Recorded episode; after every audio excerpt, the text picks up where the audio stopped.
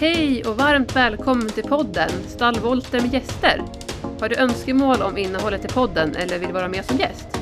Kontakta mig via Instagram och Facebook på Stallvolter. Och du hittar podden där poddar finns.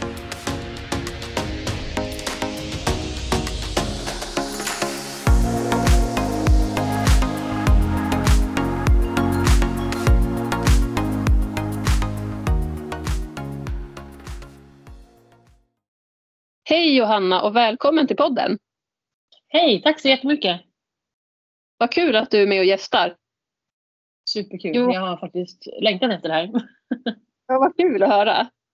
Johanna Backlund heter du och ditt företag är JBS Häst och Hälsa. Yes. Och vi känner ju varandra sedan en tid tillbaka. Vi är ju kompisar och även kollegor är vi faktiskt också. Och jag har förstått att det är premiär för dig på poddinspelning, eller hur? Mm, det är det, så jag är lite nervös. Men det går säkert jättebra. Ja, det kommer det absolut göra. Och kan du inte berätta lite om dig och om din bakgrund? Ja, jag eh, är 31 år gammal. Bor på en hästgård utanför Gimo. Eh, med min man och våra fyra barn. Vi har fyra hästar. Vi har höns och får, katter, en sköldpadda. Jag tror det var alla djur. Och eh, jag eh, jobbar utav mitt företag då, så jag har ett annat jobb. Eh, sköter bemanningen på ett HVB-hem. Och sen så jobbar de mitt företag. Och där har jag eh, lite olika ben att stå på. Eh, jag är hästmassör. Utbildade mig 2000, gud, vad blir det? 2015, 2016 blev jag klar. Eh, Mm. Hästmassör. Och därav på, i den biten så erbjuder jag, jag har spikmattor som jag använder i min behandling. Kör djupvåg, biolight, vanlig massage. Eh, och så har jag gått en kurs då. Och eh, i lymfmassage. Jag tänkte ta in lite grann i företaget också. Mm. Eh, och sen har jag ju också hästis, hästlekis. För barn 3 till 9 år. Och sen har jag även tänkt att börja med ridterapi. För barn och ungdomar med psykisk ohälsa. Och där tänkte jag gå en kurs här nu i vår. För att komma igång med det. Så att det är kul att ha någonting att se fram emot. Faktiskt. Ja, eller hur? Det är jättebra och det är ju verkligen bra som du säger här med ridterapi för, för både barn och ungdomar. Det är ju, hästar är ju så himla värdefullt att få vara nära. Det räcker egentligen Ja. bara att vara nära häst. Det behöver ju inte vara att man ska rida och så vidare utan bara att få vara nära hästarna.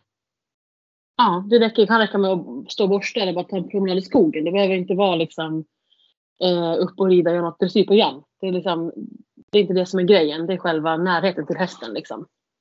Eller hur? Som är, som är det viktiga, tänker jag Mm. faktiskt. Är det något mer du har som du gör i företaget? Det är massagen, som sa både klassisk massage, lymfmassage, hästis och Mm. sen så småningom ridterapin.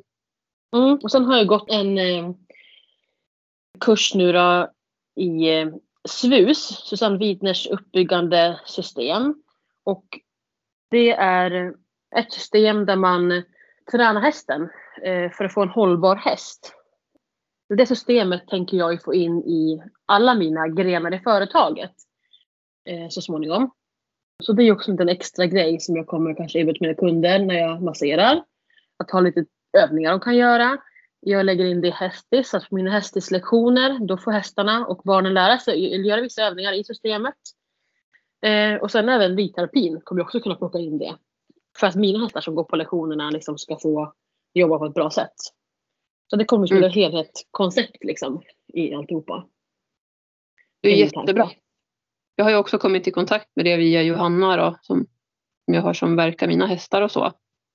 Ja, det är jättebra. Som du säger det här med uppbyggande träning, det blir ju liksom, det blir hållbarhet för Mm, både och för människorna. Ja, och jag har känt det sen alltså, när jag började massera, att det här med att vad är en hållbar häst? Mm. Eh, och som jag har hästar går på lösdrift, det är av en anledning. För att jag vet att de ska få röra sig så mycket som möjligt för att få det här hållbara, inte stå inne på en box. Alltså så. Få röra sig och bli, bli mer hållbara liksom. Och tänker att de här övningarna och tänket kommer kunna ge väldigt mycket. För att man får binda ihop allting också tänker jag lite grann. Man får en röd tråd i företaget lite grann. Mm. Det är Det jättebra. känns, det känns jättebra faktiskt. Ja, vad roligt. Mm. Och um, vi kanske kan, kan du berätta lite mer om det här med Hästis då? Vad gör ni på Hästis? Mm. Det är väldigt spännande. Eh, då har ju jag barn mellan 3 till 9 år som går på Hästis. Och jag har ungefär tre grupper brukar jag ha. Och då är det sex barn i varje grupp och en grupp då är tre. Eh, nej, tre, två. tre barn i varje grupp. Eh, Mm. Och då blir det att en grupp har teori medan den andra gruppen rider. Så då har jag sex barn per lektion men det är som två små lektioner. Och tanken är då för att de här barnen som är så pass små orkar inte hålla fokus i, i en timme på alltså samma sak. Så då har jag en tjej som hjälper mig. Hon håller teorin. Och då har jag skapat olika block. Så när man börjar hos mig så börjar man i röd grupp. Och då är det en viss teori. Hästens färger och hästens borstar. Som man gör de gångerna. Eh, och sen rider man. Man har teori 20 minuter, rider 25 minuter. I de 25 då ingår ju också att man ska spänna liksom, rätt hål på stigläderna som kan ta tid. Liksom. Och sen rider de så gör man några övningar. Barnen orkar inte längre. De kan inte hålla fokus längre än 25. Det liksom räcker bra. Och sen när man har gått röd grupp, då kommer man till grön grupp. Och då handlar teorin lite mer om eh, hästens tecken och kroppsdelar på hästen. Sen kommer man till blå grupp, då handlar det om hästens foder. Och sen kommer man till gul grupp. Och i den teorin blir lite mer praktisk. Där man kommer att få hantera hästarna lite mera. För som jag har så spridda åldrar på mina, på mina grupper så vill inte jag att, att en treåring ska börja gå in och leda en häst kanske första han gör. Utan jag vill se att den, liksom, de får lära sig. Nu kanske inte en treåring tar in all information men de får vara med ett och lära sig. Så när de har gått en och en halv termin då får de börja alltså, använda eh, eller använda, ha hästen från marken och leda. Kanske gå en konbana och sådana saker. När jag vet att de vet vad en häst är liksom, och de är med lite på noterna. Och jag vet och ser hur mycket de har lärt sig den här tiden. Liksom. Mm. Eh, det och- ja, men jag tror att det är bra så de får lära sig också hur hästen funkar från marken. Annars står de kanske färdigsadlade och hoppar upp och rider så är det, sen gör man inget mera. Jag vill Mm. att de ska få lära sig allting runt omkring också. Liksom. Eh, det är inte bara en häst i ett stall och sen så går de ut och äter gräs. Vintern finns det inget gräs, då är det hö. Liksom. Man måste borsta hästen. Man måste kunna leda hästen i hagen. Från, från hagen till stallet eller så här, ja, kunna det här runt omkring. Men Mm. samtidigt vill jag inte lägga för stora krav på dem från början. Liksom. Nej, för det är, ju verkligen, det är ju verkligen så att det är ju så mycket runt omkring en häst. Eh, än bara liksom det här med att rida eller det man tänker att man ska göra med hästen då. Det är ju det andra runt omkring som är så viktigt. Men som du säger också i och med att du har barn och som du sa, vad sa du, från tre år sa du va?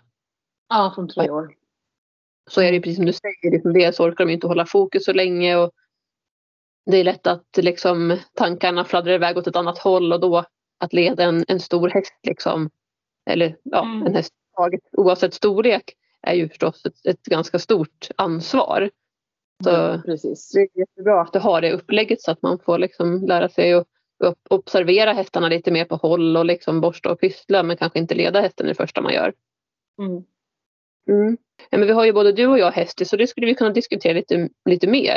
För jag vet att som, Mm. sagt, som du säger, du och jag brinner ju för det här med att, att man ska få lära sig från grunden när det Ja. gäller hanteringen. Det är, ju, det är ju verkligen jätteviktigt för att se helheten. Jag, jag tycker att det, alltså många alltså ridskolor så kan jag tycka att det missas för att då kommer hästarna in från stallet eller från hagen in i stallet och får sin mat eh, av den som ska ha lektion liksom. Och sen kanske grupp ett får borsta. Grupp två hämtar sin färdiga häst. Grupp tre, tre också. Och grupp fyra får sadla av. Eh, och så är det samma sak vecka ut och vecka in. När man har mindre grupper som vi har då kan man ju justera lite grann. Alltså man kan, ena veckan kanske en grupp får borsta och andra får sadla av och så byter man liksom så att de får göra allting som runt omkring sådär. Ja, ja men precis. Mm. Så är det ju verkligen.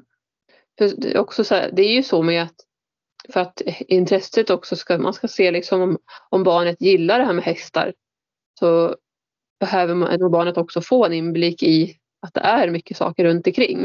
Och jag vet själv när jag började rida när jag var ganska liten. Visserligen var jag inte tre men jag var, jag var ju sju, åtta år där någonstans förvisso. Mm. Så jag var ganska stor om man jämför då med en treåring men, men ändå så, så är det nog viktigt att man får se det här runt omkring. Liksom, och, och bli trygg i det samtidigt. Så att man Ja, inte blir i att man ska rida och så. Kanske olika tempon.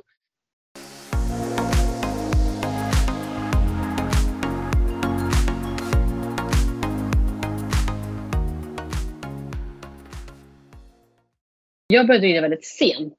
Eh, Jag ville ju jättelänge gå på ridskolan när jag var liten. Men vi hade sommarstuga uppe i Hälsingland så vi fick inte gå på ridskola. För då skulle man ha stallpass som vuxen och det passade inte in när man var allergisk och hej och hå. Eh, Och sen när jag var 11-12 då flyttade in några stockholmare, som man så fint säger när de kommer till landet, eh, på en gård ganska nära oss. Eh, och då började min bästa kompis att eh, vara hos dem, hon ringde hos dem. Hon tog med sig mig så småningom. Och när jag var då, det var året jag fyllde 12, då började jag vara hos dem. Jag fick börja lära mig vara i stallet och borsta innan jag fick börja liksom rida och så, så ordentligt. Jag fick lära mig om hästarna. Hon som hade det stallet, det var, det var ett par, men hon var ju också utbildad jag hade, alltså hon höll på med homeopatmedel och en del massage eh, på hästar. Och det var väl där jag fick min inspiration till att börja med hästmassage. Eh, jag var även ett tag inne på att bli hovslagare och åkte med hovslagarna som vi hade i stallet ett tag. Så jag har ju även gått en eh, hovverkningskurs, samma som Johanna som du känner. Jag har gått själva grundkursen som jag verkar hemma. Jag skulle jättegärna vilja gå själva utbildningen också till eh, hovvårdsspecialist. Men så långt har jag inte kommit i mitt liv än så länge. Eh, men det var där jag snubblade in liksom, på hästmassagegrejen. Liksom, att det vore kul.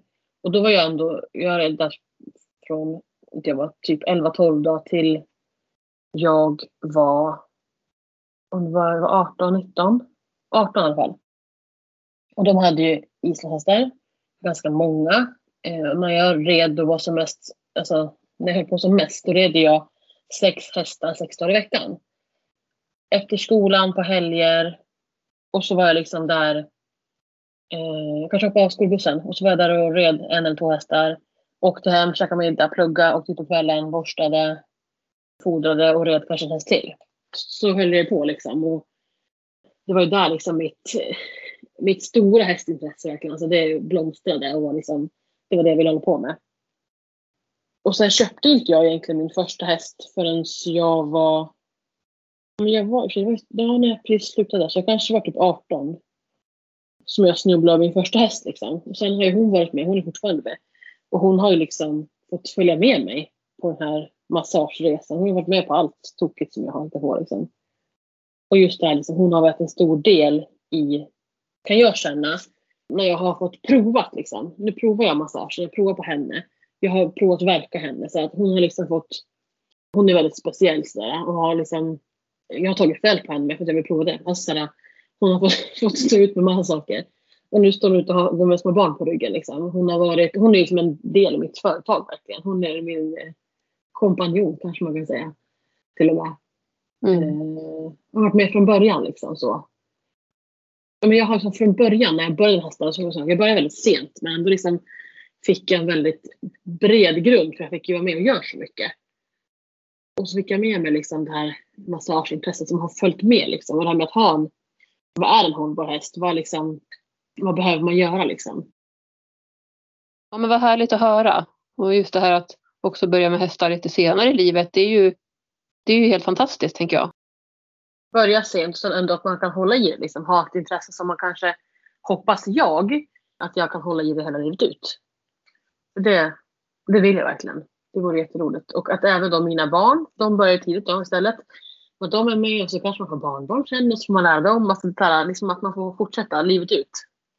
Mm. Ja. Hästar är, det är, jag brukar skriva det som hashtag häst är bäst. Det, är, alltså, det ligger så mycket i det. I det. Alltså, jag Ja. tycker hästar är så fantastiska på alla sätt och vis. Ja. du nämnde ju där att du använder dig av svus. Kan du berätta lite om vad ni gör då? Vad kan det vara för typ av övningar och så vidare? Hur funkar det? Mm. Som jag har gjort så, barnen har ju ingen aning om vad vi gör. Alltså vad, vad vi gör, eller jag på att säga. Vilka övningar eh, och var de kommer ifrån. Utan jag har gjort en liten plan. Eh, och där grunden Eh, grundtanken är ju rakrikta övergångar, volter, bommar och backträning. Och det som jag har till exempel börjat då med barnen, att eh, kanske på måndagen, ja men då kör vi rakriktning. Och då, som första grej som vi gjorde då, då la jag ut två bommar. Så skulle barnen gå rakt genom ridbanan, liksom, genom bommarna, gå rakt. Nu ska ni styra rakt eh, mellan bommarna. Mm. Eh, och det låter jätteenkelt sådär. Ja, nu ska vi gå rakt. Men har man då tre stycken hästar, tre små barn och så ska man gå rakt. Det var liksom inte jättesjälvklart. Men då säger ju inte jag heller att ah, nu ska vi göra en susövning här. Utan då, jag säger bara att så här ska vi göra liksom. Och så då får jag in min rakriktning på mina hästar utan att själv behöva rida hästarna och göra det. Jag får in det, det är hästens träning liksom, i min ridverksamhet. Och då får alla tre göra, göra samma sak samma dag. Liksom. Och sen liksom har jag gjort eh, som typ övergångar och sånt. Då. Eh, då är det ju mycket med de här barnen. Så är det mycket skritt och det är skritt och så halt. Och så kanske man travar någon, alltså någon, någonstans någon bit. Eh, och det är samma där, det är egentligen alltså, grunder men som ingår i SUS liksom. Som är, det är det som är grejen lite grann. Att det är mycket back to basic. Och då väver jag in det i lektionerna helt enkelt. Och sen när det gäller hästis med så har jag också varannan gång, vi har ju sex, ett block i sex pass. Så varannan gång är vi på ridbanan och varannan gång så rider vi ut. Så den gången när vi är ute så är det lite mer kravlöst. Men där kan vi också lägga in en rak riktning på en sträcka. Man kan lägga in eh, volter och serpentiner liksom övergångar. Så jag kan alltid få in det tänket fast vi är ute i skogen. Liksom. Mm. Så det är också väldigt skönt med det här konceptet. Liksom, att det funkar överallt. Det behöver inte vara på en och sträckt med bommar och koner och hej och utan det funkar i skogen med. Mm, det låter det är jättebra. Ja, där har ju också både du och jag samma där, att vi varierar både rida ut och vara på ridbanan. Och mm. Det är bra för alla, både barnen och för, för hästarna liksom. Variationen. Ja. Hade jag kunnat hade jag väl haft en stor hage, alltså skog där man kunde stänga in så att man visste att hästen var instängd fast man red ut liksom. Ridbanan känner jag, den behöver jag ju ha för att kunna kontrollera barnen eh, utan en ledare till exempel. De kan ledaren stå mitten med mig. Men de får lära sig att rida själva. Liksom. Sen rider vi ut och har de alltid ledarna med sig också såklart. Men liksom, att man vet att på banan kan man släppa dem lite mera fritt. Ja, jag förstår vad du mm. menar. Det är det som är fördelen med att vara på, på inhägnat område liksom, och på en lite mindre yta så också. Ja, precis. Så mm. så får jag in slus i, min, i mina ridgrupper. Liksom. Jättebra. Ja. Så varierat kan man säga från både, med både teori och sen ridning då? Ja, precis. Försöker variera så mycket som möjligt. Ja. Jag tänker att säkert du också, precis som jag själv får ibland, är ju hur hinner man med? Hur hinner du med? Du har ju som, som sagt fyra barn och så har du fyra hästar och massa andra djur och det som bor på gård. Hur hinner du med, Johanna? Ja, alltså jag får ju den frågan ganska ofta. Ja. Eh, och hur hinner du med allting? Då brukar jag säga, jag har blivit så att jag ganska, nu har jag blivit ganska och bara, nej men jag hinner inte med. Jag bara, va? Nej men man får prioritera. Ibland kanske inte jag eh, rider hästarna på en vecka, eller får inte kanske gå på en vecka. För att jag hinner inte med. För det är fotbollsmatcher, hockeyträningar och det är simskola, hej och hej och dit, allt möjligt. Eh, och en dag kanske jag inte hänger fötterna alltså Man får liksom man får prioritera. Eh, och det blir bra ändå. Man får liksom känna att man, kan inte, man hinner inte med allt, kan inte jag, att man får vara nöjd ändå. Och sen mm. är det ju så också att jag har ju en man som också gör del saker. Eh, han är inte alltid heller så nöjd när han får hämta hö kanske till mina djur. Men det är, så här, det är så vi lever. Och vi har ändå valt att leva tillsammans. Vi har valt att leva med våra djur och ha massa barn. Så att jag tänker att man får liksom eh, man får göra så gott man kan med den tid man har. Och sen en del dagar är man jätteeffektiv och hinner med jättemycket. Och en del orkar man inte lika mycket och då får det vara så. Mm. Jag håller verkligen med dig som du säger. Och ja, men att man hjälps åt som du säger, man har en relation, man har sin partner. Det är samma med mig och Linus. Vi hjälps ju åt. Han har ju barnen när jag är till exempel i stallet och ibland så följer jag med barnen ut. Ibland så rider jag med min dotter Jolin. Pojkarna mm. rider inte lika mycket nu och sådär. Rider dina barn nu förresten? Ja, alltså nu har ju faktiskt jag haft den stora äran att ha haft alla fyra i varsin ridgrupp. Ja. Mm, och det har varit väldigt roligt. Sen, kommer, Mm. sen har det varit så att ibland har det varit någon hockeymatch som har krockat så har inte Alfred ridit, han är ju äldsta. Men jag tycker det har varit så bra för han var så, Alfred var så kaxig här när han skulle börja rida igen, gå på hästis. Han bara åh, det är så skönt att börja rida. För att det är så skönt för benen. För det är enda träningen man kan slappna av med benen. Sa han innan han började rida. Och sen efter så bara åh, jag har så ont i mina ben. Jag bara ja, du behöver det här också. ja. Och sen med stela så här, hockey och fotbollsspelare blir stela. Ridningen är jättebra att kunna mjuka upp lite grann också. Gud vad bra. Mm. Vad bra tips. Jag tycker det är jättebra. Jag, jag skulle vilja ha in min sons fotbollslag. Alltså, och, alltså, bara, jag vet inte, både fotboll och hockey. Upp och rid. Ni behöver sträcka ut era muskler lite grann liksom, och mjuka upp er. Så jag tycker det är ett jättebra komplement för honom. Så jag tycker det är jättebra att han rider när han kan. För att det stärker han liksom. Eh, Mm. Kompletterar andra träningen. Så det är superkul. Och min yngsta fyllde ju fyra igår. Hon rider ju också. Tycker det är jättekul. Så jag har ju liksom, mi- mina barn är ju liksom 9 till 4 år så de passar perfekt in i, i mallen liksom. Det är jättekul. Mm. Ja, Jolin har ju också fyllt fyra så de, våra yngsta de är ju rätt så jämngamla. Däremot Mm. rider mina söner längre. De har ju ridit en del förr men de har inte samma intresse för det längre. Men jag kanske Nej. ska ha det som en, som en sån där lite motivation där att just att bli starkare liksom. I Ja, benen. jag hade ju jag hade ju en, alltså en, vad kan det vara? En termin hade jag en killgrupp. Ja. Och då var de var fem killar som red då. Och det var Ja. jätteroligt. För det är så, de blir ju lite ensamma liksom sådär. Annars, att det är mycket tjejer liksom. Superkul att ha ett gäng killar som vet, faktiskt. Mm, vad kul. Bra tips.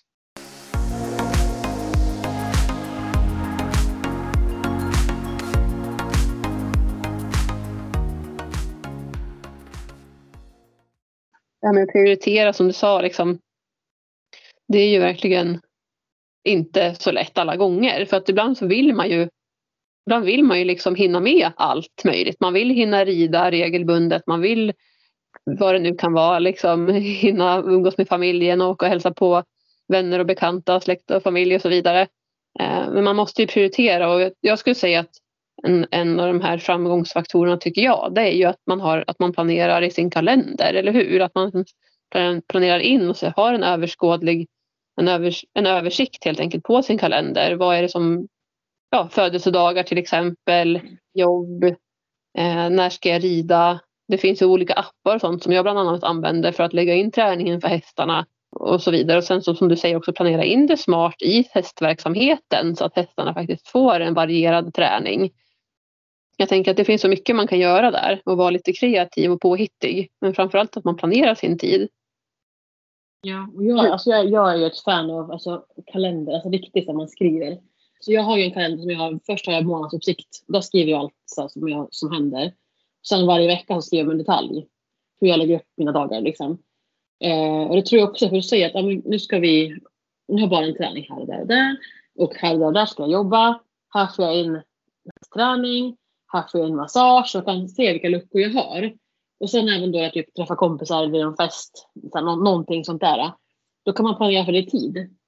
Man vet liksom, att men gud, här kanske jag behöver ha hästvakt. På fredagen säger vi. Eh, ja men bra, då kan jag lägga in min medvetna. Då kanske kommer mata så kanske jag kan ta en ridtur den dagen. Slipper jag göra det den dagen. Då kan jag lägga fokus på annat den dagen liksom. Det tycker jag är ganska behändigt. Ja men det är det verkligen. Jag är ju fan av, av telefonkalendern. Jag har aldrig ägt faktiskt en papperskalender ska jag ärligt säga. Så jag kör ju på min telefon.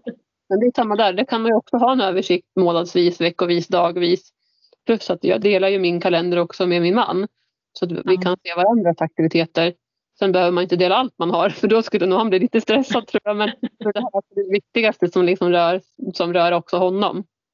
Ja. Eh, det, det tycker jag är en fördel. Och som du säger att man har den här översikten. För då blir det ju tydligt. Och man brukar säga också så att man kan inte planera in saker på tid som blir över. För det blir aldrig tid över. Det tror jag nog alla kan hålla med om. Liksom. Oavsett om man har små barn och hästar eller liksom man kanske har en häst och utflugna barn säger vi. Så att jag menar, tid blir oftast inte över. För man planerar ju in saker så att man behöver ha den här översikten för att veta och vara säker på att man får in de sakerna som man tycker är absolut viktigast som man måste prioritera. Ja, för annars blir det så här, det gör jag sen. Och det sen kommer aldrig. Nej, Man precis. behöver skriva, man behöver skriva upp det. Nu ska jag eh, rida hästen den här dagen. Nu ska jag logera eller jag ska vad nu jag ska göra. Jag tänker att jag gör det imorgon. Men imorgon har jag glömt det. Att jag skulle göra det. Alltså så, det blir, man skjuter bara framåt annars. Liksom. Mm.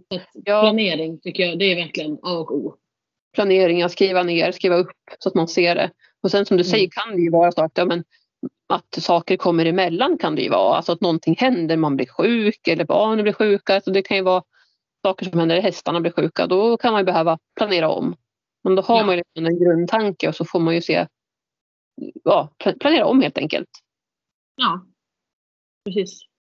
Ja, det, det är värdefullt. Det är väl ett, jag tänker bådas tips här till andra som lyssnar. Hur får man, hur får man det att gå ihop? Ja, men en annan grej är att man kan ju vilja så mycket saker som, som man vill hinna rida sina hästar varje dag eller fem dagar i veckan eller vad det nu kan vara. Liksom. Men eh, också kunna vara ärlig med sig själv och sänka prestationsnivån.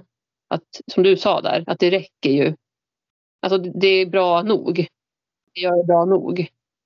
Jag har också perioder när inte hästarna rids. Som nu över jul och nyår. De har haft det jätteledigt. Jag har haft lite dagridläger och så. Eh, och vi, jag ska säga, vi har inte riktigt kommit igång än. Mm. Så att, eh, Så har jag också haft. Mina har ju vilat. De hade hästis i början på december. Liksom. Sen har jag inte haft någon läge. Jag har inte haft något sånt. Jag har bara haft vila på mina nu. Och min tanke var att de skulle komma igång förra veckan. Men då var jag sjuk. Eh, så att det är nu nästa vecka. Jag håller på att göra plan nu för att den uppbyggande träningen inför att hästen ska börja. Eh, så jag börjar träna hästarna på övningar. Så de lär sig övningarna innan barnen ska göra övningarna. Det ska jag börja med nästa vecka. Eh, så jag är ju fullt på med sånt nu och ska man liksom, även om jag då kanske inte jobbar, jobbar tycker folk, och så, när man sitter hemma och kanske planerar alltså rid, ridövningar och sådana saker, Planerar teorin för kommande liksom hästis. Men det är ju också jobb. Eh, och det måste också planera in, för annars är det sånt som man, ja, men jag gör det sen och så sitter man andra dagen och skriver eh, teori i full panik liksom och skrivaren funkar inte, alltså, sånt där. Det har man gjort så många gånger. Men planera, planerar man och gör det på en sån tid att man planerar, nu ska jag göra det här, då, då blir allting mycket lugnare, mindre stress liksom. verkligen. Eh, Så att, nej, då, planera. Planera, planera, planera, planera. Och är man då Mm. som man, men jag är inte så bra på att planera så skulle jag bara säga så här. Börja liksom lär dig planera så, så lär man sig det. Visst att personligen, jag har jobbat som ekonom och jobbat med bokföring och sådär. Gillat siffror och sådär. Och varit Mm. ganska strukturerad. Men, men jag vet att när jag blev egenföretagare så var det en utmaning att faktiskt lära sig att planera. Så, men alla kan lära sig det skulle jag säga. Det handlar om att börja och sen som du säger inte fastna i det att man skjuter upp saker och tänker att jag gör det sen. Utan nej, det här är viktigt, det här gör jag nu. Sen kommer man ju ha saker på sin lista som är mindre viktigt men i, skrivandets stund så kan det ju kännas som att oj vad mycket saker jag måste göra. Men börjar man titta på vad är det absolut viktigaste som jag behöver göra nu då är det oftast inte massa saker. Alltså, förstår du rätt liksom? Nej, precis. Allt på listan. Så vissa saker kan man behöva lägga fram en vecka eller två eller kanske till och med månader faktiskt. Ja. Så Det är det, samma som jag har tänkt flera gånger nu när man har gård. Så nu har vi haft det länge. Man skulle gjort en sån typ ett årsjul ungefär som man på jobbet. Att man liksom gör, men i januari då ska vi göra det här. På, alltså gården liksom. I februari det här, mars det här. Att man har liksom sådär upplagt de här större grejerna som man kanske behöver göra. För att man vet från år till år när man gör allting liksom egentligen. Men dit har jag inte kommit än. Men det vore liksom också en sån här bra, tänker jag, planeringstips. Att göra en sån års, en årsplanering. Liksom. När man liksom behöver lägga in lite extra krut så att säga. Och när man kan vila lite mera. det låter som en, en bra tanke. Mm. En annan sak är ju det här att planera in ledighet och återhämtning. Det är, tänker jag också är någonting som är viktigt. Det här med att hinna med, då, apropå att hinna med när man har familj och, och gård och så vidare. Att, att också hitta tid, eller inte hitta, planera in tid för, för återhämtningen. Har du något tips Ja. på vad, som vad gör dig i återhämtning? Åh. ehm, alltså jag är ju sån här mångsysslare. Jag tycker typ om allt möjligt.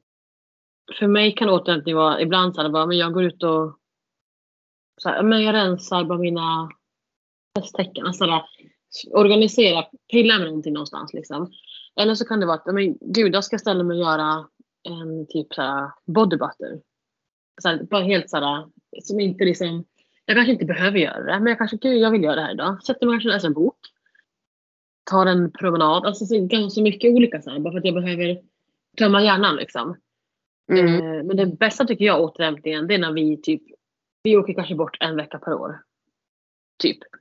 Och det kanske är det bästa, för då åker man och så lämnar man allt. Och så har Ja. man någon som tar hand om djuren. För då kan man liksom inte gå, alltså då kan man liksom inte gå och pilla och göra saker ändå fast man kanske inte ska. Så jag säger, så jag, jag återhämtning kan vara gå, alltså, så jag säger, ja, men gå och plocka bland täckena och fixa städa och ordning där ute. Men det kanske är för andra så bara, jaha, vi har ju ingen återhämtning. Alltså så. Man är så olika vad man, vad man tycker att återhämtning Ja, är. Liksom.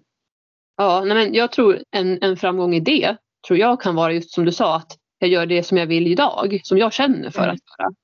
Det Ja. tror jag. För att annars blir det här, alltså som du säger, att, eh, rensa hästtäcken kan ju vara då ett måste på listan som, som skapar stress. Men om du känner att du har flertalet saker som "Ja, men det här skulle jag liksom behöva göra eller organisera, städa garderoben eller vad det nu kan vara. Men så länge man inte får stress över att oj det här måste jag göra utan så här, men det, det, det får vara fine att jag inte gör det här nu. Det här är på min lista, det här kommer jag kunna göra framöver. Det är inte av högsta prioritet. Det är de här andra sakerna som, som är det viktigaste i vardagen. Så det här kan jag ta sen. Liksom. Och jag tror att om man landar i den känslan så tror jag att det kan vara mycket lättare då att vid ett tillfälle när man vill, behöver ha och vill ha lite återhämtning för sig själv. Då kan den här pack, alltså, rensa bland hästtäckena kan vara just som du säger återhämtning. För att sen, Ja. gud, nu fick jag lust till det här, gud vad roligt, nu ska det här bli jättekul att städa här. Och, alltså att man tänker lite mer så istället för att åh jag måste göra det här och det här och liksom stress och paniken bara hopar sig. Ja. Liksom. Jag tror att det är så jag tänker. Ja, men, ja precis. Vi, vi är ju inte heller så här, typiskt, som jag upplever många andra par som kanske klockan är åtta, barnen har gått och lagt sig, nu ska vi kolla på TV, på serier.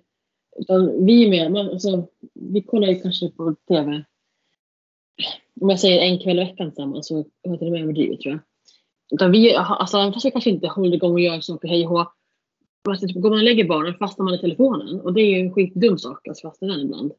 Men det är också, tänker har jag hållit igång en hel dag, jag går och lägger ett barn och kollar på en serie i sängen när jag liksom går och lägger barnet och sen går jag ut och hästar mat och fixar det andra. Så här, då har jag ändå fått en stunds återhämtning eh, och för mig själv. Eller vad jag ska säga. Jag behöver inte vara med någon annan heller. Jag kan vara helt ensam. Liksom. Och sen Ja. går jag ändå ut sen då klockan eh, tio kanske och så ger jag djuren mat och vatten och fixar det. Men jag varvar inte ner åtta utan jag är över tio. Så är jag åtta en stund och sen så går jag ut igen och så varvar jag upp mig igen. Liksom. Eh, jag har svårt för det där att ja, åtta, nu ska allt vara klart, nu ska vi in och se på TV, två timmar, sen går vi och lägger oss. Utan jag har gärna de här små alltså, mikrovilostunden eller vad man ska säga. Jag kollar på serien en stund eller jag, nu går jag ut och eh, rensa hela vattnet. Alltså att man gör små, små grejer som gör att man ändå får liksom rensa hjärnan lite grann. Jag skulle ju kalla mig själv för introvert till exempel. Jag behöver få vara själv rätt så mycket. Och det får jag ju vara bland annat när jag är i stallet på kvällarna.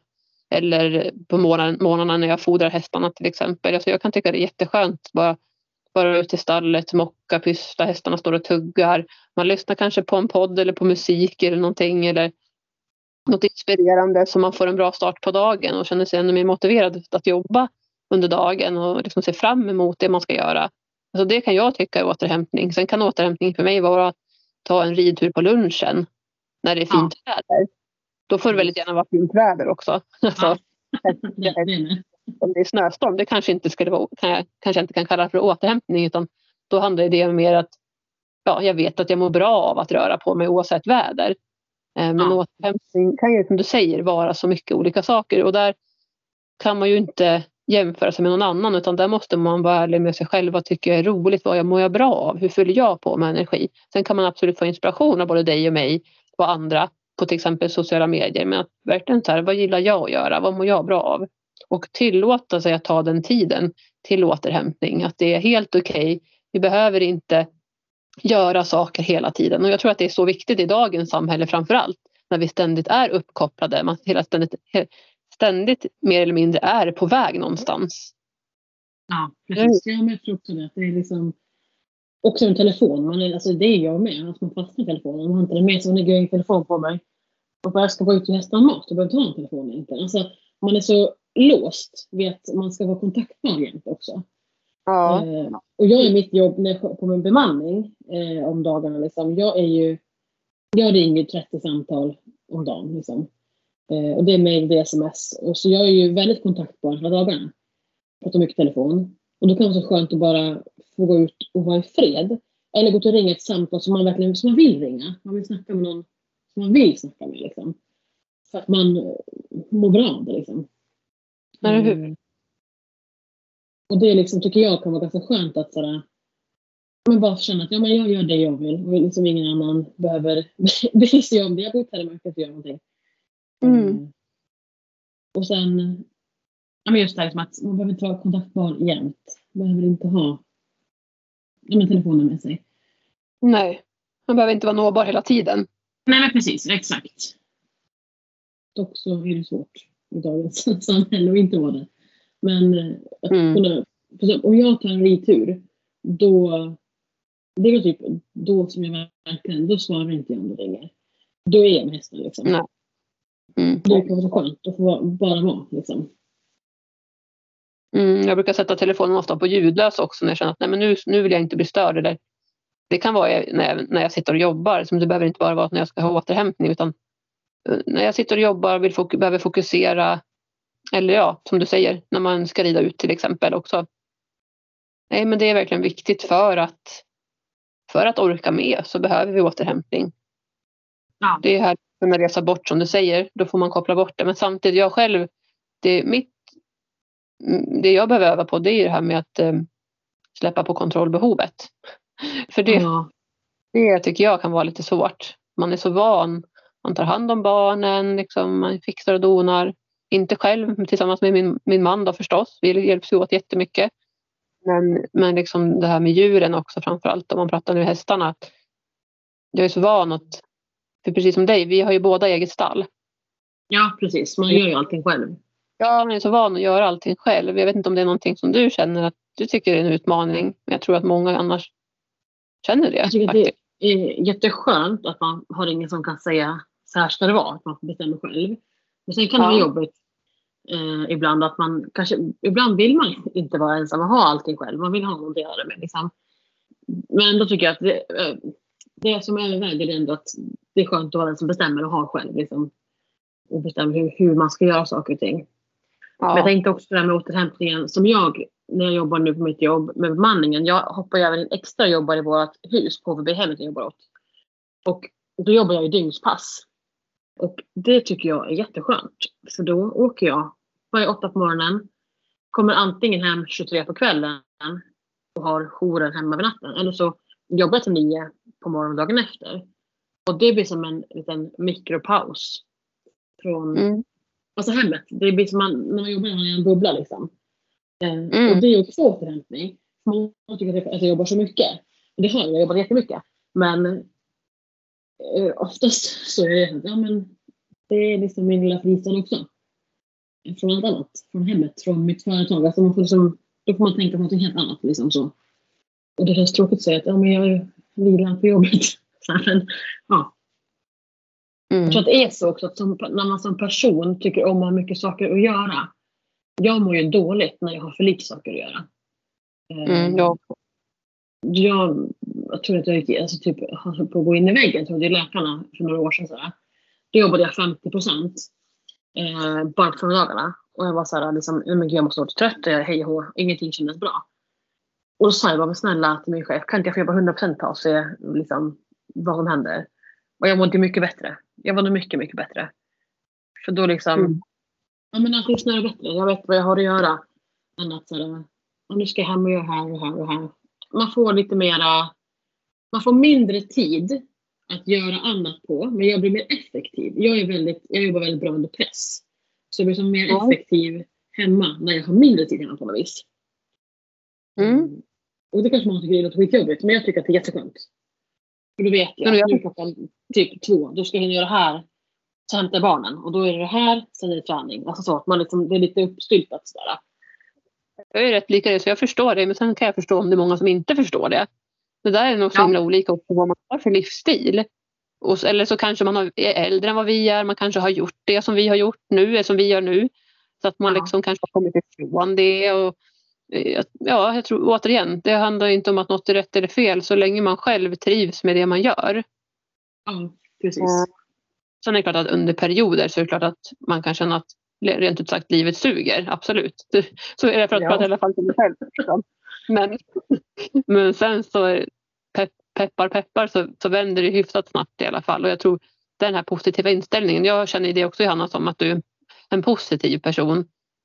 Och ser positivt på saker. Sen är det klart att jag pratar för mig själv nu då, men att man kan också vara negativ i perioder. Men i det stora hela det här att kunna vända jobbiga saker till ja, men att se det positivt liksom, och tänka att det, det kommer vända och så vidare.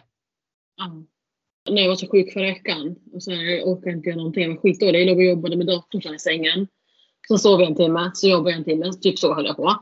Eh, Ja. I några dagar. Jag mådde skitdåligt. Och så tvättade jag en maskintvätt sen på onsdagen.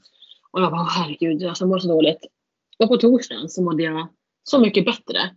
Och jag fick så mycket energi. Alltså jag, så här, det var så här, gud vad skönt det är att vara sjuk ibland. Så man känner hur skönt det är att vara frisk.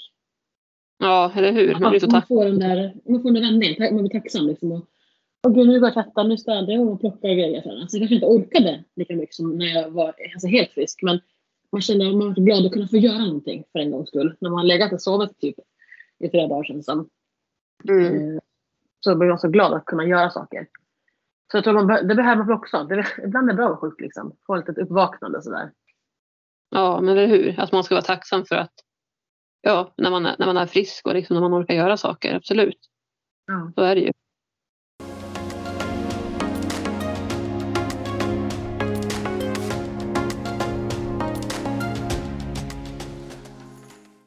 Om man vill komma i kontakt med dig Johanna, hur når man dig bäst, bäst då? Man når mig bäst på min Instagram skulle jag säga. Där heter jag JBs häst och ohalsa. Alltså JBs häst och hälsa fast utan prickar. Eh, och då kan man skicka ett DM till mig där. Jag svarar ganska fort oftast. Och där står det även vad jag gör. Mm, jättebra. Jag skriver också i, i beskrivningen så kan man hitta dig smidigt. Det låter jättebra. Toppen. Ska vi säga så för idag då Johanna? Ja men det gör vi. Tack för att fick vara med. Men jättetack att du ville vara med. Så härligt att höra. Jättekul. Tack för idag. Hej då! Ja detsamma. Hej då!